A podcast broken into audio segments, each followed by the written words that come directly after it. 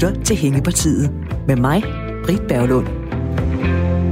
God formiddag, eller skal vi sige godmorgen og godt nytår. Håber du landet godt i 2020. Vi har taget hul på programmet, hvor vi forsøger at komme i land med de hængepartier, som vi, vi hver især måtte have. Og selvom det er gudsjammerligt tidligt på sådan en 1. januar, eller hvad for, for os, der ikke kom specielt tidligt i seng, der er blevet festet igennem til ud på natten rigtig mange steder, men skulle du alligevel sidde og have en rest af energi og måske også iver efter at komme af med et hængeparti, så kan vi, helt som de andre dage, give en hjælpende hånd. Vi har øh, tidligere her i programmet hjulpet med, hvordan man smalltalker. Hvad kan man gøre, hvis man har en større formue stående i banken, der nu varsler minusrente? Så har vi hjulpet med lidt øh, oprydning og indretning af et krægerum, og så har vi fået fikset de indvendige kældervægge i et hus fra 1956. Så er der noget, du skal have hjælp til. I vores taskforce, der sidder fire gode mennesker, og lad mig lige remse dem op. Det er økonom Carsten Ingman Jensen, det er kage- og madlavningsdronningen Rosa Kildal, det er handymand Kuno Bonne, og endelig så er det retoriker Mette Højen. Så øh, har du brug for et tip til 2020 vedrørende økonomi, vedrørende madlavning? Måske hvad du skal lave ud af dine madrester? Har du brug for et tip til et eller andet hjemmet, der kunne trænge til måske en skrue eller et søm? Eller at få renset luften, eller sagt noget positivt, men ikke rigtig ved, hvordan du skal gribe den situation an, så skal du bare ringe til os, og så sørger vi for resten. Tor Bill er også producer i dag, og Tor kan du fange på 72 30 44 44, 72 30 44 44. Du kan også sende en sms. Det skal du gøre til telefonnummer 1424.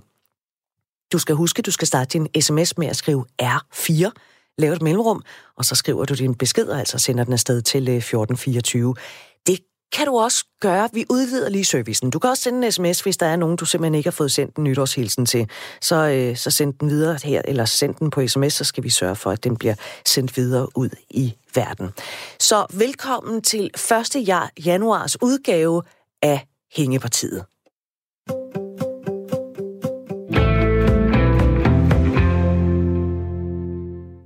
Her i den sidste uges tid, der har den stået på kollektiv navlepilleri, og der er efterhånden ikke mere fnuller at komme efter, når det kommer til, hvad der sådan er sket i 2019. Vi har vendt verdenssituationen, vi har ryddet ud i nogle hængepartier, og nu er vi så ved at være klar til at bevæge os ind i et nyt år og et nyt årti. Vi har vendt stort og småt, men nu skal vi lige forsøge at gøre det hele meget større. Jeg har tænkt mig, at vi skal se ud, langt ud, helt derud, hvor der ikke er andet end ren fascination. Så jeg har besøg af Allan Hornstrup, der til daglig begår sig i afdelingen for astrofysik og atmosfærefysik hos DTU Space. Og de næste minutter, der skal han hjælpe os med øh, hele universets hængepartier. Velkommen til, Allan. Tak. Lad os starte med 2019. Hvad var det vildeste, der skete ude i verdensrummet i løbet af året her? Jamen, der er jo sket meget, men en af de vildeste ting, jeg synes, der er sket, er, at vi for første gang fik et billede af et sort hul. Og altså, et sort hul kan man jo ikke tage billeder af, fordi et sort hul jo er et sort hul og ikke lyser. Ja. Men det, man fik, var et billede, som viser en ring af materiale omkring det her sorte hul. Og så er det ikke engang vores egen galakse. Det er faktisk i en galakse, der ligger i stjernebilledet Jomfruen. I M87 hedder den.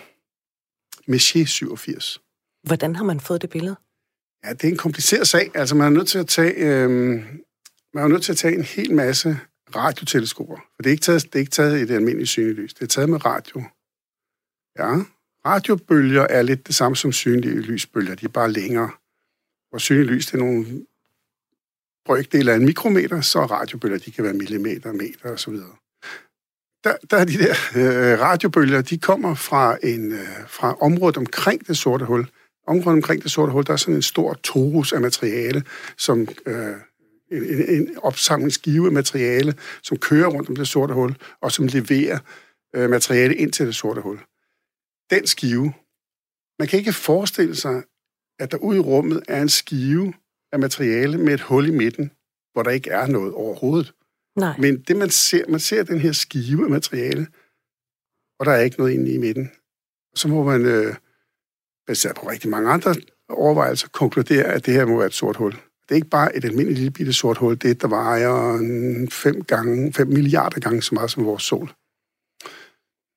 Så et sort hul, der vejer 5 gange...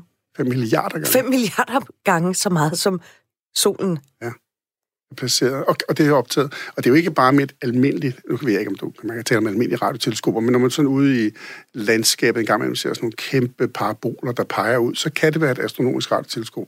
Men det er ikke nok med et, man er nødt til at placere.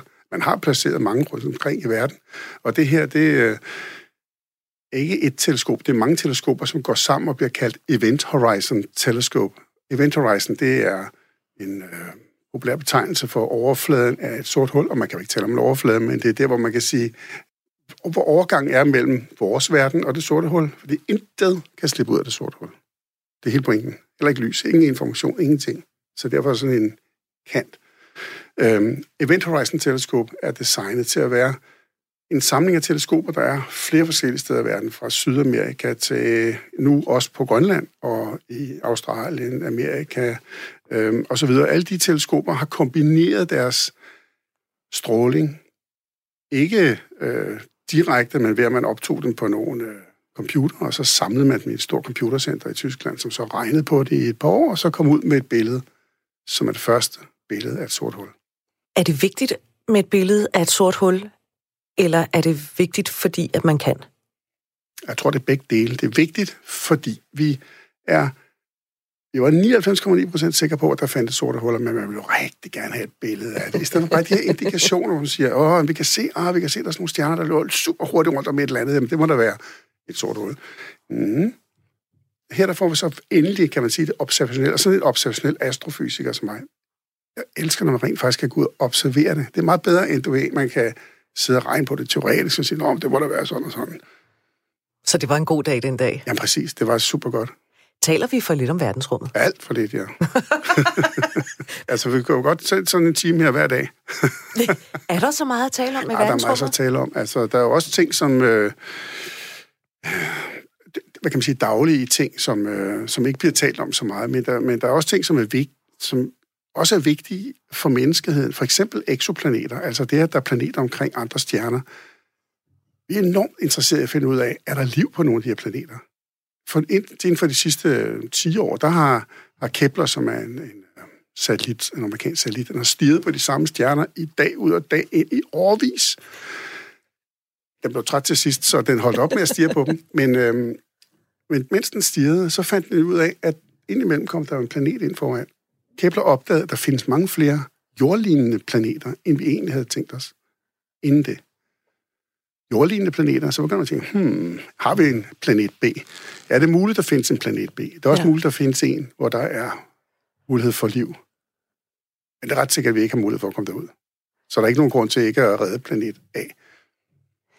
Hvorfor er det vigtigt at finde ud af, om der er andre planeter med liv på? Altså, vi bor jo her, og, og altså, det er jo formentlig ikke sådan, at man så indgiver en flytteblanket til sin kommune, fordi man flytter til en anden planet. Det vil man nok være nødt til, men, øh, men, øh, men det vil, man kan ikke flytte til en anden planet. Men hvorfor er det så så vigtigt, om der er liv på andre planeter, hvis vi ikke rigtig kan bruge det til noget? Jeg tror, det er vigtigt for menneskeheden at forstå, om livet på jorden er unikt eller ej. Er der liv? andre steder i universet. Det vil jo have en, altså, jeg synes, det er en helt fantastisk spændende filosofisk betydning. mm. og så forstår, dybest set forstår vi jo ikke rigtigt livet. Altså, vi ved kun, at det handler om vand. Der er, noget, der, der er vand i alt det liv, vi kender. Det handler om noget med vand. Men hvorfor er der liv? Hvad er det, der skabte det? Vi ved, at alle byggestenene til liv, de findes massevis af steder i universet. Dem kan vi finde. Men den kombination, der har gjort, at man har fået noget selvreproducerende, som vi kalder liv, den ved vi ikke. Vi ved ikke, hvordan det skete. Hvis man kigger på andre planeter, kunne det jo være, at man kunne lære noget om det. Man kunne lære noget om, hvad var det for en proces. Se, vi kan jo se, vi kan jo ikke se, se tilbage til, hvordan jorden så ud for 3-4 milliarder år siden, da det første liv opstod. Men vi kan måske se nogle lignende planeter omkring andre stjerner, som har nogle betingelser, der minder om det, og dermed kunne se, at man håber, var det. Det er jo ikke, fordi vi kan sidde med vores selv største kigger, der glo ind på en lille mm, Marsmand, der står på en eller anden fjern planet, og omkring en lidt i hovedet og tænker, hvad er det, jeg kan se derude? det, det, vi kan se eller lede efter, det er jo sådan noget, vi kalder biosignaturer. Vi har jo ilt i vores atmosfære, og der er ikke nogen, der kan forestille sig, at vi har så meget ilt i vores atmosfære, hvis ikke det er på grund af træer og planter, som producerer ilt med fotosyntese. Så, så det er nogle af de ting, man gerne kigge efter. Findes der den slags, findes der planeter med atmosfære, som har ilt, masser af ilt, som vi har? Vi ved det ikke, men for, også fordi det er super, super svært at se. Øh, øh, jeg vil godt lige prøve at få illustrere lidt, hvor svært det er at kigge på de her planeter, på de stjerner. Hvis du tænker på, hvad sådan, bare vores solsystem, hvordan, hvordan, hvad kan man sige, massen af, hvor mange kilo er der hister her, hvor meget, hvordan det fordeler. Hvis du tager et kilo sukker, og siger, at det er al massen i vores solsystem, så tager du en teske, en halv teske fuld. Det er så alle planeterne, inklusiv Jupiter, som er tusind gange tungere end Jorden. Så jeg tror ikke, der er tusind sukkerkorn i sådan en halv teskefuld, men jorden vil ikke engang være et sukkerkorn. Hvis du så gerne vil se en atmosfære, så er en tynd, tynd stribe på et par kilometer omkring en kugle, der er måske 13-15.000 kilometer i diameter. Det er fantastisk svært. Det er ikke en observation, man lige sidder og gør med sin, øh, med sin prismakikkert i baghaven, selvom det er stjerneklart. Det lyder som et kæmpe, kæmpe arbejde. Lad os lige vende tilbage til 2019, fordi hvad kom som den største overraskelse for dig og resten af astrofysikkens verden? Var det i virkeligheden billedet af det sorte hul? Ja, jeg ved, jeg, ved ikke, jeg ved ikke, om der var nogle kæmpe overraskelser i 2019, men det sorte hul var en god ting. Øh, jeg må sige, at jeg var lidt overrasket over, at det rent faktisk lykkedes dem, fordi jeg ved, at de har kigget i overvis på vores egen galaksecentrum, og der har de kigget efter, for vi ved, at der findes et sort hul i vores galaksecentrum, og så kan du sige, hvordan ved I det, når jeg ikke kan tage et billede af det? Og ja, det er fuldstændig rigtigt, men der har vi altså nogle... Det er godt, du selv stiller de kritiske spørgsmål. der har vi altså nogle metoder til at afsløre, at det, den er nok god nok. Der findes masser af små gasstumper og stjerner, der bevæger sig med meget stor hastighed rundt omkring noget inde i midten, som vi er ret sikre på, på grund af, at man kan beregne, hvor tungt det er, at det må være et sort hul. Her fik vi så et billede af det. Godt nok langt væk. Altså, det er jo EM87, en fjern, fjern galakse. Det, ja. Men det er der. Men det er der, og det er tungt. Er der nogle historier fra det store verdensrum, der kom frem i det forgangne år, som vi totalt har overset, eller måske slet ikke talt nok om? Jeg ved ikke, om det er lige det forgangne år. Det kan jeg ikke lige uh, specifikt pege på, men jeg kan huske, at der for... Du ved, der findes den her kosmiske mikrobølge baggrundsstråling. Det ved du godt, ikke? Kosmisk... Den kosmiske, mikrobølge... den kosmiske mikrobølgebaggrundsstråling har vi målt øh, på flere forskellige måder. Den stammer tilbage fra Big Bang, eller rettere, det gør den faktisk ikke. Den er fra 380.000 år efter Big Bang. Inden det, altså fra Big Bang og frem til 380.000 år efter, der var den suppedags, som man kunne kalde universet på det tidspunkt. Den var så tæt og så varm, at man slet ikke kunne se. Altså, det var ligesom tåget. Det var ligesom, at elektronerne og protonerne ville ikke være sammen som atomkerner, så lyset blev spredt hele tiden. Det er ligesom, du kan ikke se ind i solen. Du kan se overfladen af solen, du kan ikke se ind i. På samme måde kan vi ikke se ind tidligere end 380.000 år efter Big Bang. Men på det tidspunkt, 380.000 år efter, der blev det så koldt, 3.000 grader i hele universet. Det er global warming, vil jeg godt lige sige. ja, det er det altså. 3.000 grader i hele universet. Nå, anyway. Øh, den, den, der slap den stråling fri. Og den har været fri siden. Der er ikke nogen af dem har ramt noget andet, men de, mange af de der fotoner, som stammer tilbage fra dengang, er, er, har bare bredt sig ud i 13,7 milliarder år. Det har de øh, gjort, mens universet udvidet sig, udvidet sig, udvidet sig blevet blev større og større. Så de her fotoner, de bliver mere og mere trætte. Så de var ikke 3.000 grader mere, nu er det faldet helt ned til 3 grader. Den kan man måle, den temperatur. Den har man målt meget, meget stor nøjagtighed med en satellit, der hed øh, Planck, som ESA var en del af, som vi har været en del af. Og den meget fine måling har man faktisk kunnet teste ved at kigge på nogle meget fjerne kvasarer, som lyser igennem noget stof, som ligger med relativt stor rødforskydning for os. Og, og så kan man se tilbage til for noget for 8, 8 9, 10 milliarder år siden. Og der kan man se, hvor, hvor høj var temperaturen så dengang, fordi, fordi vi ved, at universet udvider sig nu er blevet 3 grader nu. Det er ligesom det, der gør, at vi kan regne tilbage. Så hvis man så kigger tilbage, så må man jo se en højere temperatur af universet. Det er rigtig, rigtig svært at måle, fordi hvordan kan man måle temperaturen af noget, der ikke men har nogen temperatur, eller det har en temperatur, men det er ikke noget, ikke noget stof, det er bare strålingen. Og den har man indirekte kunne måle ved at kigge på nogle særlige gasskyer, der ligger så langt tilbage. Og så har man fundet ud af, at der var temperaturen 9 grader, og det passer præcis med teorien. Det er også fordi, så nogle målinger, som, som går hen og giver to streger under og siger, at den er sgu god nok, den, dem, ah, de får ikke det store opmærksomhed. Men det er vigtigt, fordi det, det peger bare på, at vi har fat i en lang ende. Vi har fat i nogle teorier, som holder. Du lytter til Hængepartiet her på Radio 4, hvor vi i dag taler om rummet, og jeg har besøg af Allan Hornstrup, der er afdelingsleder for astrofysik og atmosfærefysik hos DTU Space. Og vi taler om hængepartier i den del af universet. Er der blevet søsat nogle ting i 2019, som vi er nødt til at slæbe med os over i, øh, i 2020, som ikke helt blev færdige? Altså, der er noget, som desværre ikke blev sendt op, jo. Men altså, det er jo godt en, godt en gammel, gammel historie. Altså, det er James Webb Space Telescope. Den der blev, skulle jo have været sendt op. Ja, den skulle have været sendt op for mange år siden. Den skulle også have været sendt op i år. Men er blevet 2019, udskudt. men den er stadigvæk udskudt. Den er meget kompliceret. Det er et stort rumteleskop på 6,5 meter i diameter. Sådan en kan man jo ikke sende op, som den er. Den skal jo folde sammen, og så skal solpanelerne foldes ind, og hovedspejlet skal, det her skal foldes sammen, så det kan passe ind i en raket. Så den skal være så lille som overhovedet muligt? Ja, så man har en hel masse motorer, der skal folde den ud til sidst. Og det er det, der har voldt problemer. Man har skulle teste udfoldningen af øh, blandt andet solspejl. Der, er, der er flere ting, men det er det eksemplerne, ikke? Sådan solpanelerne, som skal rulles ud. Altså NASA skulle vise, at det kan de faktisk godt gøre. Problemet er, når den flyver rundt derude, så er den jo sådan i vægtløs tilstand, så de skulle vise, at den kunne gøre det i vægtløs tilstand. Det kan man jo ikke gøre på jorden. Så man er nødt til at have en masse små snore, der holdt i den. Det tog dem faktisk et halvt år at rulle den ud. Og under den her udrulling, så det var de små snore, så ah, det var kommet til at rive lidt. Så det pokker var, så, så ja, om igen. ja, pokker så. Og NASA insisterede på, at de jo og så sagde de, så næste par gange kan vi gøre det ret hurtigt. Ikke? Og, ja. og, I gør det ordentligt, så de får et halvt år til hver ny udrulning. Plus en masse andre små ting, der har forsinket processen lidt, men det var heller ikke nogen billig. Altså, det er et, øh, et eksperiment til 10 milliarder dollar. Så det er en hel del penge, der er blevet brugt for, at sådan en, en kikkert skal virke. Når sådan forhåbentlig på et tidspunkt øh, bliver sendt op, og man har brugt de 10 milliarder, måske ovenikøbet lidt mere, hvad får man så for pengene? Hvad kan den? Den kan se de længst vækste ting i universet, de længst vækste objekter. Nu talte jeg jo lige om det her Big Bang af 380.000 år efter Big Bang. Det er rigtigt, der, der havde vi på det tidspunkt havde vi en ursuppe af løse partikler. Men ingen objekter. Der var ingen stjerner på det tidspunkt. Alt sammen var bare en, det var jo 3.000 grader, det kørte rundt mellem hinanden, og strålingen slap fri. Og så går der nogle år, hvor det i princippet bare bliver koldere og koldere. På et tidspunkt, så er der altså nogle steder i universet, heldigvis, og det er nogle af de ting, som den her Planck-mission har set, er der nogle steder, hvor der er lidt mere større tæthed, og nogle steder, der er lidt lavere tæthed. Og der, hvor der er lidt større tæthed, så bliver det endnu større tæthed, endnu større tæthed, og det samler sig mere og mere og mere og mere. Og til sidst kommer der stjerner. Men de stjerner kan vi ikke se. Nej. Fordi de er simpelthen for langt væk. Fordi de skabes jo inden for en million år, eller en million år efter Big Bang. Og de, øh, de er simpelthen for langt væk til, de, de vil være for svage. De er godt nok store. Man kan ikke lave en lille stjerne med det materiale, der kommer ud af Big Bang. Man er nødt til at lave en stor stjerne, til gengæld eksploderer den hurtigt. Og så danner den mindre stjerner. Fordi der kommer noget materiale ud, som den kan bruges til at danne mindre stjerner af, som så samles til at blive til galakser. Det vi håber, det er at kunne se de første galakser. Endelig får vi et teleskop.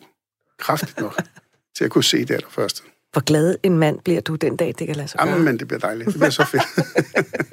det, det er, og vi er med.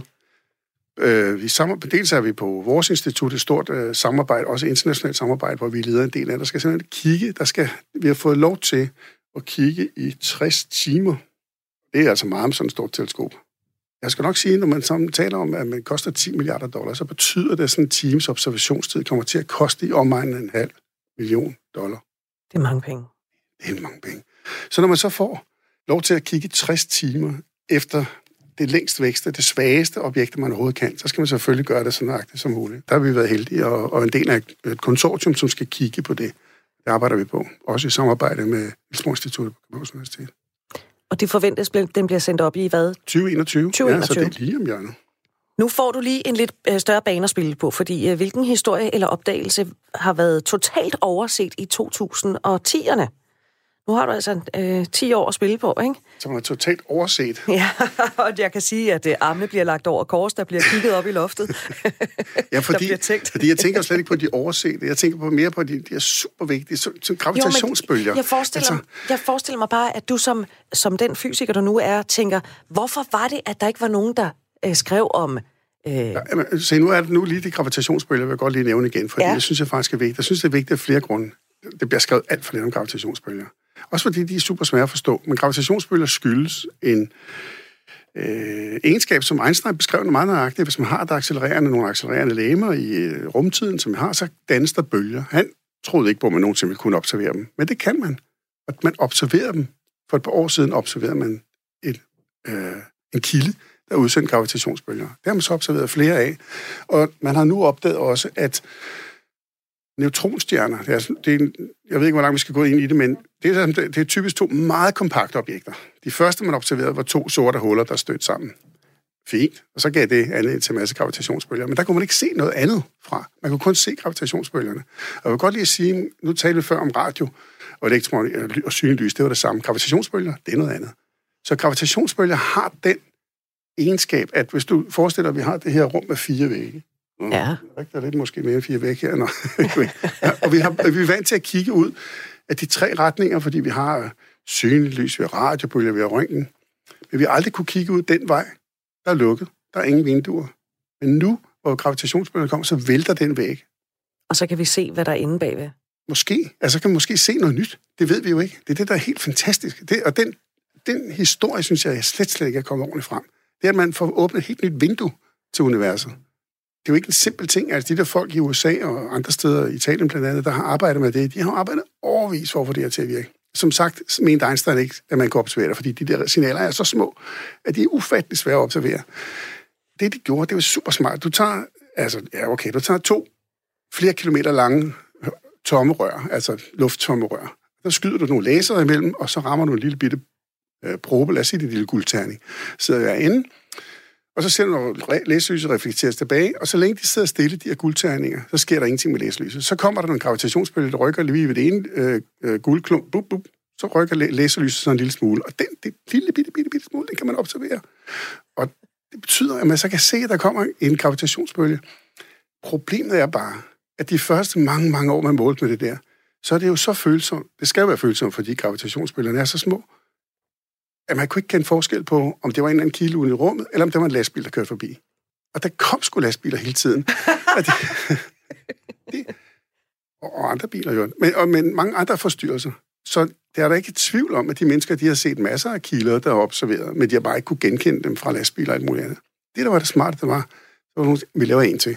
Så flyttede de 3.000 km, eller var det fire? Der lavede de et fuldstændig man til eksperiment og så målte de det samme. Og så en gang imellem, det første observation, der så det pludselig, her ser vi et signal samtidig. Det er muligt, at køre en lastbil forbi her, men der kørte ikke også en lastbil 4.000 km væk. Med den samme læs, hvad det nu var, de har kørt med. Så der kunne man pludselig se, okay, den er god nok. Her ser vi et observation. De har godt nok rigtig svært ved at pege på himlen, hvor det virkelig kom fra. Så, så de drejede jo alle satellitter og observationer, observatorier på jorden, der kiggede og stirrede, de så ingenting. Så siger, men det er nok fordi, det er to sorte huller, der stod sammen. Det gjorde man så flere gange, fem-seks gange, så pludselig så man en, og man kiggede igen. Åh, oh, oh, der så man noget. Elektromagnetisk stråling. Gamma røntgenstråling. Der kom stråling fra det. Det vil sige, at det nok ikke var to sorte huller, som jo ikke udsender noget lys, men denne gang to neutronstjerner, som er nogle, også en tilsvarende rest, en, en, en død stjerne, kan man sige. Men to neutronstjerner, der stødte sammen. Og dem har man så målt på den stråling, der kom fra. Og nu kan man så pludselig se, hvor er det, der skabes guld i universet? Hvor er det, der skabes wolfram? Ting, som man har sådan teoretisk set haft en idé om. Her får man pludselig guldproduktionssted. Nu mm. er det, som sagt, jeg måske har sagt tidligere, med, med eksoplaneter, det er ikke så nemt at komme rundt her og hente de der ting. Så det kan godt være, der blev skabt, hvad der svarer til en jord af guld.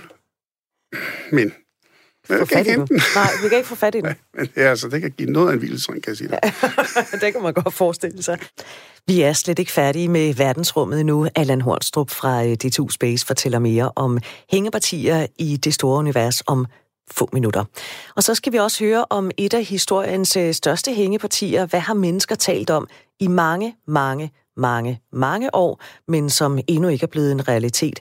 Det er øh, noget, som historiker Asser Amdisen har stukket næsen i. Han har samlet en liste med i alt 10 historiske hængepartier. Nogle af dem har vi hørt om, og han fortæller om endnu et, og det gør han om øh, cirka et kvarters tid her i Hængepartiet. Og så har vi jo altså udvidet vores øh, sms-service i dag, så øh, det er jo den 1. januar. Er der ikke nogen, du har fået ønsket godt nytår, eller noget andet, du gerne vil af med, så skal du altså bare sende en sms til mig. Du skal som det første skrive R4 i din sms, du skal lave det berømte mellemrum, og så kan du skrive din besked, og når den så er klar til afsendelse, ja, så sender du den til øh, telefonnummer 1424. Og som sagt, så tjekker vi ind i verdensrummet igen om få minutter, men allerførst, der skal vi have nyheder fra Thomas Sand. Her er nyhederne på Radio 4. Antallet af øjenskader, der er blevet behandlet på øjenklinikker på landets sygehuse nytårsnat, ligger langt under niveauet sidste år. Således er blot ni personer kommet så alvorligt til skade efter nærkontakt med fyrværkeri, at de har været en tur på hospitalet. Det oplyser overlæge Jørgen Willumsen fra øjenklinikken på Rigshospitalet. Tallene er jo faktisk lavere, end de har været længe. I hvert fald de sidste fire år har de ligget klart højere. Nu ligger de på et niveau, som man sådan set så der i starten af 2000-tallet med omkring 9-10 stykker hvert år. Sidste år blev 22 behandlet for øjenskader, mens der året forinden blev registreret 28 behandlingskrævende øjenskader. Det ledelige er faktisk, at der kun er to. Det er det, man kunne kalde alvorlige øjenskader. Det vil altså sige, at der er to, der har en syntruende tilstand, men resten kommer sig faktisk med største sandsynlighed helt uden men. Tre af de tilskadekommende er børn på mellem 15 og 17 år. Fælles for alle tilskadekommende er, at ingen af dem har brugt beskyttelsesbriller, så igen må man konstatere, at beskyttelsesbriller til sydenladende er meget, meget effektive, siger Jørgen Willumsen. Han hæfter sig i øvrigt ved, at de færreste skader skyldes fyrværkeribatterier, der tidligere har forårsaget mange skader. I stedet har vildfarende raketter stået for fem af de registrerede øjenskader i år. Af opgørelsen fremgår det i øvrigt, at ingen af øjenskaderne var forårsaget af hjemmelavet fyrværkeri. Alle danske folkeskoler skal fra årsskiftet registrere fravær på den helt samme måde. Det betyder, at eleverne i de små klasser skal have et kryds hver morgen, når de er til stede i undervisningen. De store elever i 7. til 10. klasse skal både have et kryds om morgenen og i skoledagens sidste time. Det står i en ny fraværsbekendtgørelse fra Børne- og Undervisningsministeriet, der træder i kraft i dag. De nye regler skal præcisere og ensrette, hvornår fraværet er enten lovligt eller ulovligt. Reglerne bliver indført for at få fraværet nedbragt og sikre hjælp til de børn, der har et højt fravær. Det siger børne- og undervisningsminister Pernille rosenkrantz teil Lige præcis det der med fravær, det er en af de ting, hvor man kan spotte, om børn har det skidt. Og en ting er jo der, hvor der er tale om, at det er et barn, der har en eller anden form for handicap, eller af andre grunde ikke er der. Hvis vi ligesom tager den del ud, fordi de tæller ikke ind under de nye regler, så på resten af eleverne, der er det faktisk et af de bedste punkter at slå ned på, hvis man vil fange og hjælpe de børn, der har det skidt. I dag er det forskelligt fra kommune til kommune og fra skole til skole, hvordan fravær bliver registreret. Det betyder, at der indtil nu har været meget forskellige forståelser af, hvad højt fravær er, og dermed stor forskel på, hvornår det bliver opdaget. I landsorganisationen Skole og Forældre er formand Rasmus Edelberg ikke optimistisk i forhold til de nye ensrettede regler for fraværsregistrering.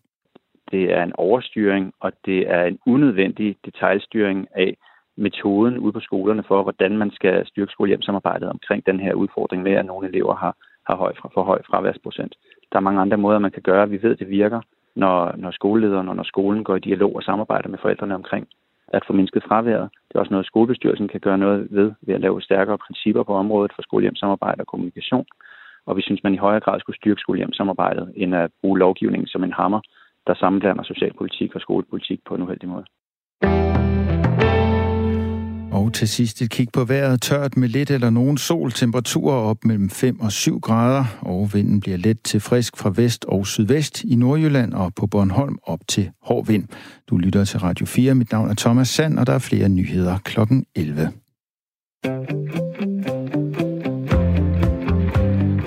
Du lytter til Hængepartiet med mig, Britt Berglund. Jeg har besøg af Allan Hornstrup fra DTU Space, og vi taler om hængepartier, der har med rummet at gøre. Verdensrummet, det er jo kæmpe. Kæmpe, kæmpe, kæmpe. Der er masser af plads at boldre sig på. Er der noget, som vi mangler at få fikset eller øh, nå ude i den store verden, som vi havde troet, vi ville have nået nu her, hvor vi bevæger os ind i 2020'erne? Altså, der er noget, man arbejder hårdt på at finde ud af. Jeg har jo altid sagt, eller ikke altid, men jeg har de sidste 10-15 år sagt, at vi er blevet 96 procent dummere de sidste 100 år. Og det er selvfølgelig øh, øh, trist at være en hårdt arbejdende astronom, og så erkende, at det, det er godt den forkerte vej. Ja. Og det kan jeg forklare dig, hvorfor. Fordi for cirka 100 år siden, der var man ret sikker på, at man vidste, eller lad os sige 120 år siden alligevel, man vidste, hvordan universet var bygget op. Man kiggede ud, man så stjerner, man så også lidt tåger og lidt sager, men altså, det var hovedsageligt stjerner, man vidste, at der var noget stof, det mindede om vores egen sol, og der var noget stof på jorden, og man havde også lært om radioaktivitet, så tingene hængte sammen. Men så opdagede man, at nogle af de her galakser, de var altså længere væk. Nogle af de der hobe, eller øh, tåger, man så, det viser at være galakser, der var langt væk. Så pludselig var vi, havde vi et større univers, end vi egentlig havde regnet med. Der var sådan en god afstand. Og så viste der nogle af de der galakser, de håbede sig sammen i klumper. Og de havde faktisk ret god fart på. Men de holdt sig stadigvæk sammen i håbe. Og det var mærkeligt, at de kunne både have god fart på og holde sammen. Hvis de skal kunne have god fart på at holde sammen, så skulle man sige, at hvis de har god fart på, så vil de fordampe på et tidspunkt. Men da de holder sammen, må der være noget, der holder dem. Og det opdager man, det kalder man så mørkstof. Og vi har endnu ikke, selvom det jo blev erkendt allerede i 30'erne, 1930'erne, endnu ikke fundet ud af, hvad mørkstof er. Men for at det ikke skal blive øh, for enkelt bare med det mørke stof, så viser det sig, øh, i midten af 90'erne opdagede man, at universet, ja, vi vidste, at universet udvider så det har vi vidst, siden vi havde en historie om Big Bang. Men nu viser det sig, at universet udvider sig accelererende. Og det vil sige, at der må være et eller andet, et eller andet, en eller anden energi, kan du sige. Der er noget, der skubber. Der er noget, der internt er i det, som ja. gør, for det til at skubbe fra hinanden. Og det ved man ikke, hvad er? Man aner ikke, hvad det er. Det hedder mørk energi. Og den mørke energi og det mørke stof til sammen udgør 96 procent af universet. Og det ved vi ikke, hvad er. Så vi ved kun, hvad de sidste 4 procent er. Og i de sidste 4 procent, så er der gået en halv procent, der er stjerner, der lyser. Der er altså fast arbejde til dig de næste rigtig mange, mange, mange år, år, hvis vi er nået 4 procent, og vi mangler de 96 Præcis, ja. Hold da op. Nu bevæger vi os jo lige om lidt ind i 2020'erne. Hvad håber du, eller regner du med, med at vi vil opleve øh, med hensyn til verdensrummet og udforskningen af det? Når nu vi har hele 96 procent at tage af. Hvad håber du så? Altså, er 10 år i virkeligheden det kan være lang tid, 10 år, specielt hvis man er 8 eller 10 år gammel, eller jeg er 46, så er det ikke så lang tid. Men jeg tænker, hvis man er et verdensrum, så er det jo bare det er jo blink med øjet, ikke? Det er bare blink med øjet. Hvordan er 10 år inden for, for dit fag? Og det er også et blink med hvis man arbejder med, øh, med rumforskning og satellitter, fordi det tager lang tid. Vi arbejder i øjeblikket med en satellit, som hedder LISA, for eksempel, som skal måle på de her gravitationsbølger, man gør det fra rummet. Den bliver sendt op i 2034. Det opfatter vi selv som lige om hjørnet, men det er selvfølgelig ikke engang inden for det næste årti.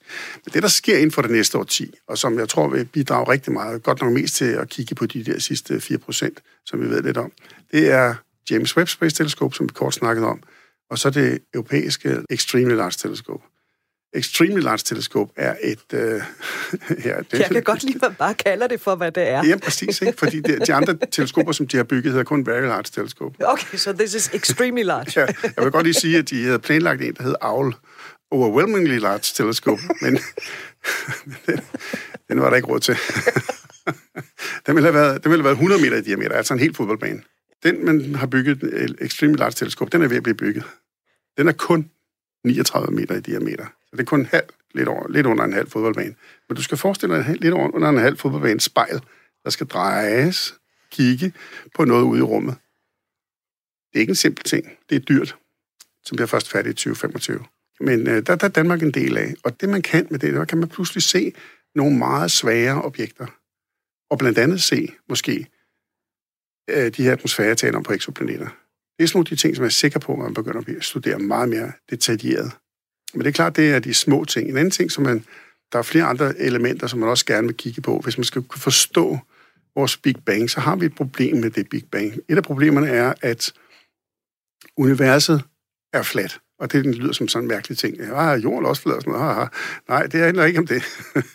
det handler om, at vi, øh, vi mener, at den geometri, som universet har, er såkaldt flad. Og det vil sige, at den ikke er krum, så den ligesom krummer ind i sig selv, og den ikke er åben, så den ligesom er øh, åben. Øh, så det er en teknikalitet, men det, er, men det er faktisk rigtig, rigtig svært at få et Big Bang til at danne en flad geometri. Den simple måde, man har gjort det på inden for de sidste 50 år, det er at sige, at der må nok have været noget, der bredte universet meget hurtigt ud, meget tidligt, og det kalder man inflation. Den inflation har man ikke nogen direkte indicier på. Som sagt er det jo noget, der foregår ret tæt på Big Bang, og vi kan ikke se tættere på en 380.000 år. Men man kan faktisk godt se, hvis det der med gravitationsbølger ellers kører, som vi regner med, og det ser det ud til, så vil der være aftryk for gravitationsbølger af den periode, helt ud i det stråling, der blev frigivet. Så man vil kunne se aftryk af det ved at kigge på nogle detaljer. Det håber jeg, man vil kunne komme til at se med større detaljer, og dermed kunne afsløre, om der findes en inflationsting meget kort tid efter Big Bang. Hvis ikke der gør det, ja, så har vi stadigvæk, jeg vil ikke kalde det et forklaringsproblem, det er jo ikke sådan et detektivarbejde på den måde, eller hvad, man er jo ikke anklaget, men, øh, men det er jo stadigvæk en interessant ting at få afklaret om de teorier, der ligger til grund for vores forståelse af universet, end faktisk er de rigtige. der er mange små øh, elementer. Det er en anden ting, som jeg måske lige skal nævne, som jeg også håber, man får afklaret, det er, at den her Planck-mission, hvor jeg, som jeg nævnte, hvor, som jeg kigger på mikrobølgebaggrundsstråling, de har bestemt en parameter for universets udvidelse, som hedder Hubble-konstanten. Hubble-konstanten har de bestemt til et meget præcist tal, med meget lille usikkerhed. Så er der nogle andre, der har kigget efter universets udvidelse, accelererende udvidelse ved at kigge på supernovaer. De får et meget præcist tal med meget lille usikkerhed. De to stemmer bare ikke overens. Ah, pokkers. Ja, ikke? Det er godt nok ikke stor forskel, men det er nok til, at man må sige, mm, Men regnskabet skal jo stemme. Det skal det jo. Ja. Og man siger, ah, der må være nogen, der et eller andet, der er galt. Ja. Ikke fordi der er nogen, der regner forkert, det tror jeg ikke. Men jeg tror simpelthen bare, der er noget fysik, vi ikke helt lige har, har fat i endnu. Det håber jeg, vi får. Det er meget fascinerende arbejde, du har, og nu taler vi lige om, at øh, et 10 år, det er, ikke, det er ikke specielt lang tid, når man taler om arbejde ude i verdensrummet. Og jeg tænker også, at øh, en arbejdsdag må være ingenting så i forhold til, når du møder ind på dit kontor hos DTU Space på den første hverdag efter nytår, hvad skal du så kaste dig over? Hvad består dit job i den første dag i det nye år? Det består sådan set i at sikre fortsættelsen hele tiden. Altså det er jo sådan set i virkeligheden, som du selv siger, det er jo noget, der er langvejt. Så det, så det handler jo om, at, at vi fortsætter arbejdet. Og det vil sige, vi godt nok er det, fordi det, her, det er sådan en, en, en idé, jeg har, men når man har haft et nyt år, så skal man ligesom planlægge for et år, og så ligesom se, hvor, hvor skal vi så hen inden for det næste år. Så lægger vi planer, sørger for, at vi nogenlunde forstår, hvad det er, vi vil gøre i fællesskab, og så kører vi derfra, så vi har sådan nogle, øh, nogle møder omkring det. Helt konkret, så arbejder vi med at få bygget øh, et eksperiment, eller et instrument til den her, der der skal op 2034. Øh, et instrument i samarbejde med nogle, nogle Albert Einstein-institut i Hannover, øh, hvor vi skal bygge et instrument, som kan måle, nu, nu nævnte jeg de her 4 km lange, i det her tilfælde, der, øh, der sætter vi nogle satellitter op med nogle øh, millioner kilometers afstand, og der skal den måle positionen af sådan en guldterning med en pikometers nøjagtighed, altså væsentligt mindre størrelse end en atomkerne. Nej, det kan man ikke. Jeg kan godt se, du ryster på hovedet. Ja, det, er, fordi jeg, kan, jeg forstår det ikke. Altså, det er umuligt, ja. Men det, det, det synes vi også er sjovt. og der findes ikke rigtig nogen europæere, der har lavet det. I JPL, altså i USA, ved Cal, lige ved siden af Caltech, der ligger Jet Propulsion Laboratory. De har et instrument, der virker, men de vil jo ikke slippe øh, hvad kan man sige, øh, viden ud om, hvordan de har lavet det. Og vi har for nogle år siden lavet en, øh, en stor model, som virker, samarbejde med Albert Einstein-instituttet. Nu vil vi gerne kunne vise, at man kan sætte den op i rummet ved at pakke den sammen. Men det forstår jeg ikke. Hvorfor vil man ikke dele viden?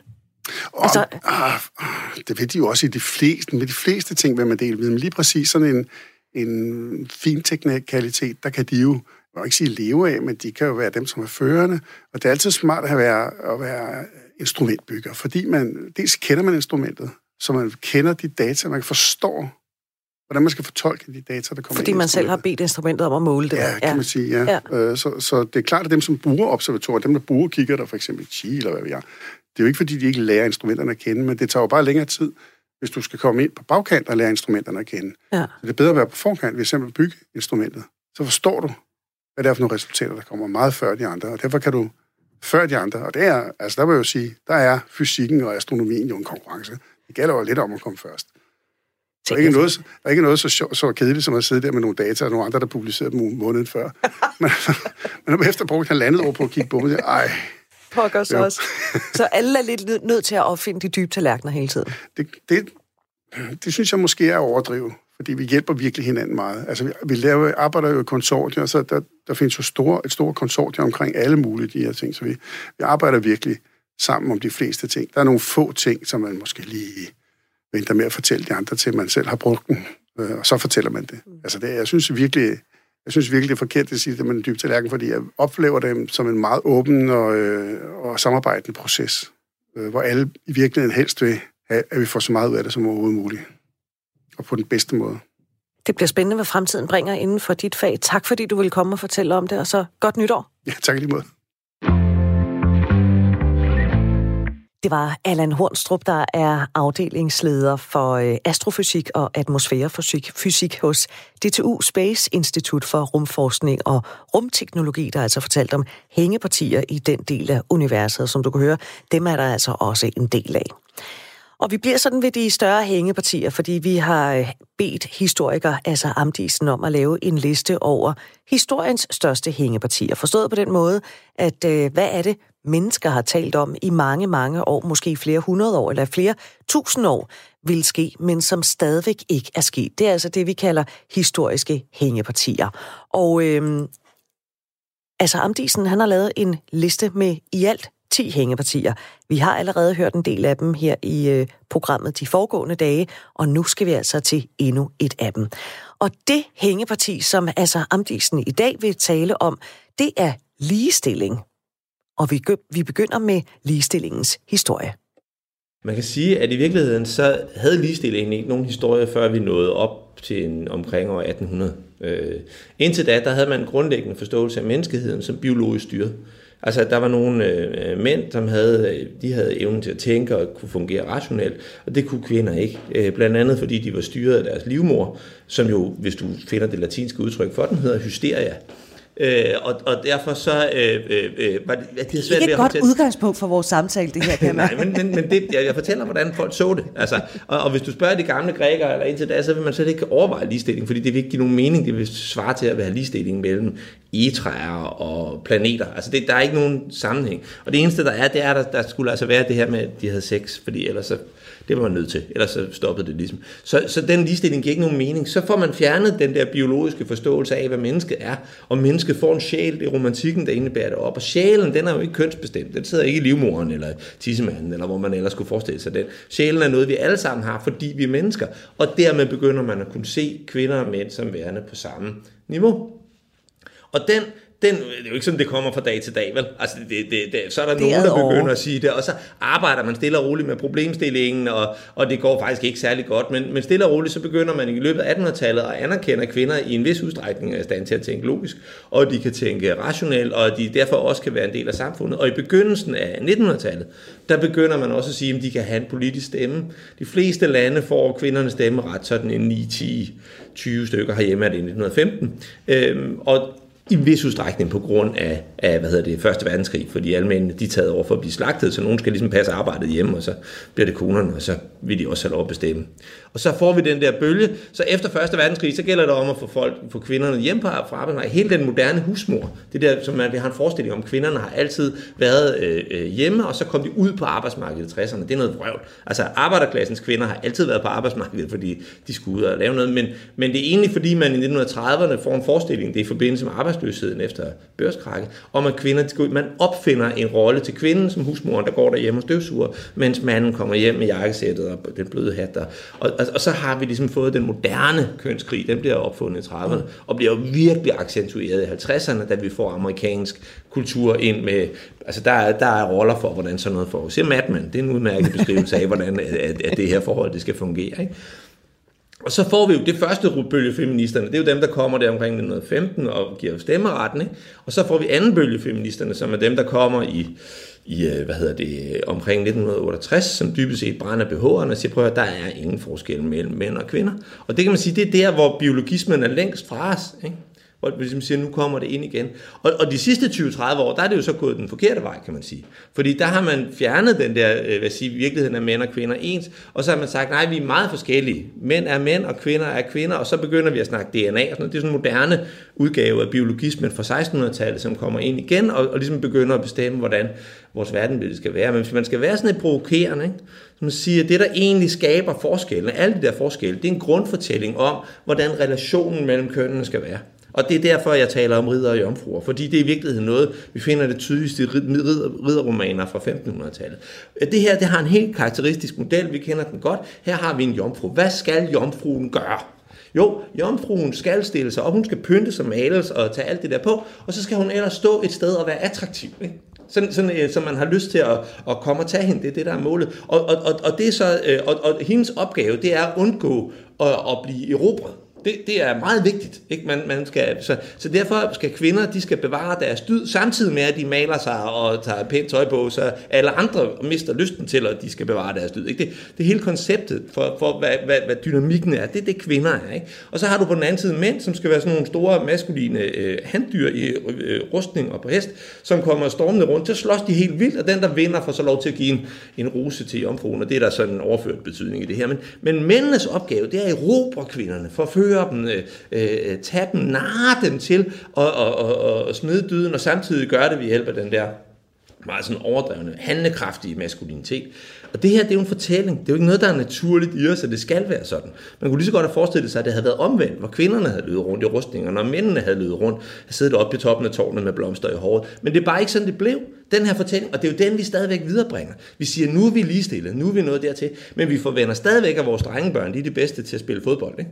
Vi forventer stadigvæk, at det er far, der er stærk og kan løfte tingene og bære ting op i. Vi forventer stadigvæk, at vores 9-årige piger skal have huller i ørerne, hvilket jo er en form for øh, øh, rituel lemlæstelse for at sikre sig, at de i hvert fald ikke øh, bliver, øh, øh, øh, bliver hængende i den der forståelse. Kvinder har langt hår, mænd har kort hår. Det er jo igen det der med, altså hvad fanden skal du? Kort hår er praktisk, når du skal arbejde. Langt hår, det, altså det er super godt. Så kan du stå der og se ud, som om du ikke laver noget praktisk kvinder klæder sig sexet ud, ikke? de skal have det der, øh, mod mænd, de skal, de skal helst øh, øh, vise deres fysiske røst. Altså, vi, vi hænger stadigvæk fast i den her opfattelse. Og grundlæggende er det den, der gør det, når man går ud og siger, at mænd, de er mere ambitiøse end kvinder. Nej, men det er det, der skal til for at vinde det her jomfru ridderspil. Det er, at man er ambitiøs, man skal helst øh, have neglene frem. Ikke? Så, så grundlæggende, så har vi opbygget en grundfortælling, som holder os langt bedre fast, og som vi i øjeblikket er i gang med af al kraft at se, om ikke vi kan få gjort til biologisk som muligt. Så hvis man vil gøre noget ved ligestillingen, virkelig vil ændre på noget af det her, så er man nødt til at, øh, at holde op med at juble over den stærke og øh, øh, dygtige mand, der betaler for middagen og holder døren.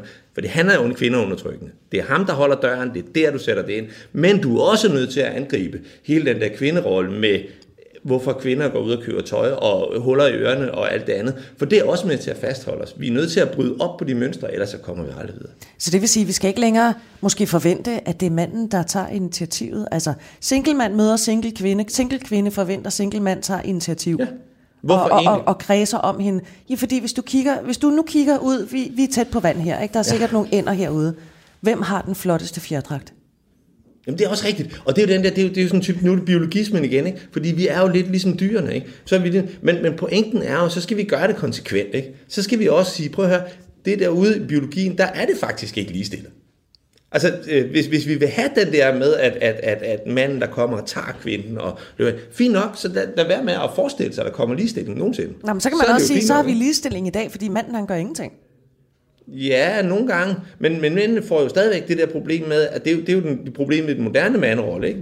Manderollen i dag har jo det problem, at man på en side skal være den store farlige Europa, som er stor, maskulin og stærk, og samtidig skal man tage opvasken. Og det kan samtidig godt være svært at få til at hænge sammen øh, i, i, i, i, i, i, i virkeligheden. Ikke? Og, og, og derfor er der jo også mange af de skilsmisser, man hører om, det er jo dybest set, fordi manden er blevet usekset. Ja, det er fordi, han faktisk lever op til de krav, man i øvrigt øh, stiller til, til det andet, i stedet for ligesom at bare smække med døren, ræbe og så heldig. Så, så grundlæggende tror jeg ikke, jeg tror ikke på den der med, at man, man, man ligesom finder den der traditionelle biologiske øh, årsag øh, til det. Vi er nødt til at sige, at vi er ikke dyr. Vi har måske været det engang, men vi er ikke dyr. Og vi opfører os ikke som dyr. Og derfor er vi også nødt til at ændre de grundfortællinger om, hvad det vil sige at være mænd og være kvinder. Ellers kommer vi ingen vej. Jeg er nødt til at vende tilbage til det, du talte om med, at kvinderne fik stemmeret. I Danmark i 1915. Hvem var den første, der rejste sig op og sagde, øh, undskyld, hvad siger I andre til, at kvinderne får lov til at stemme? Og overlevede han?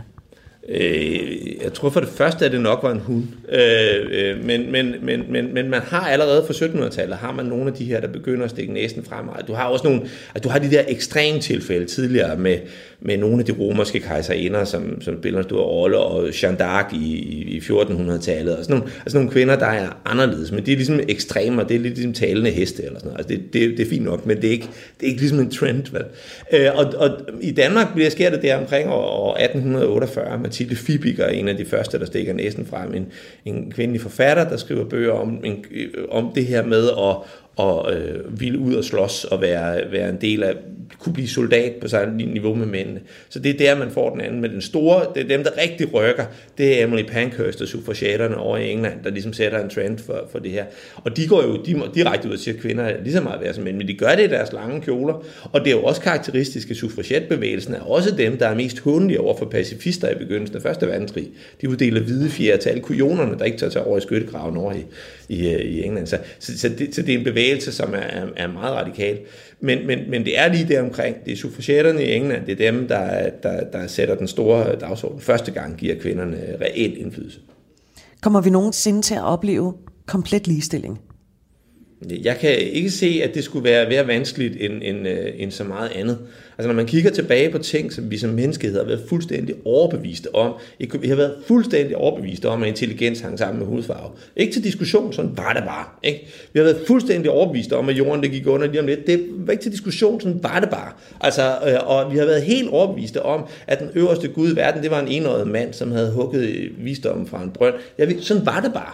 Og alle de her ting, hvor vi er helt overbeviste om, det kan i hvert fald ikke laves om. De viser sig jo, det kan de godt, hvis vi faktisk vil. Men noget af det, vi måske skal kigge på i den sammenhæng, det er om hele den måde, vi bruger naturvidenskab og DNA og medicinsk forskning i dag, ikke holder os tilbage mere, end det egentlig hjælper os. Så jo, jeg tror på, at det kan lykkes, men, øh, men det er nok heller ikke noget, der sker sådan lige de næste 3-4 måneder. Der er lang vej igen. Det tror jeg. Sådan siger historiker Assa Amdisen om et af historiens allerstørste hængepartier i dag om ligestilling.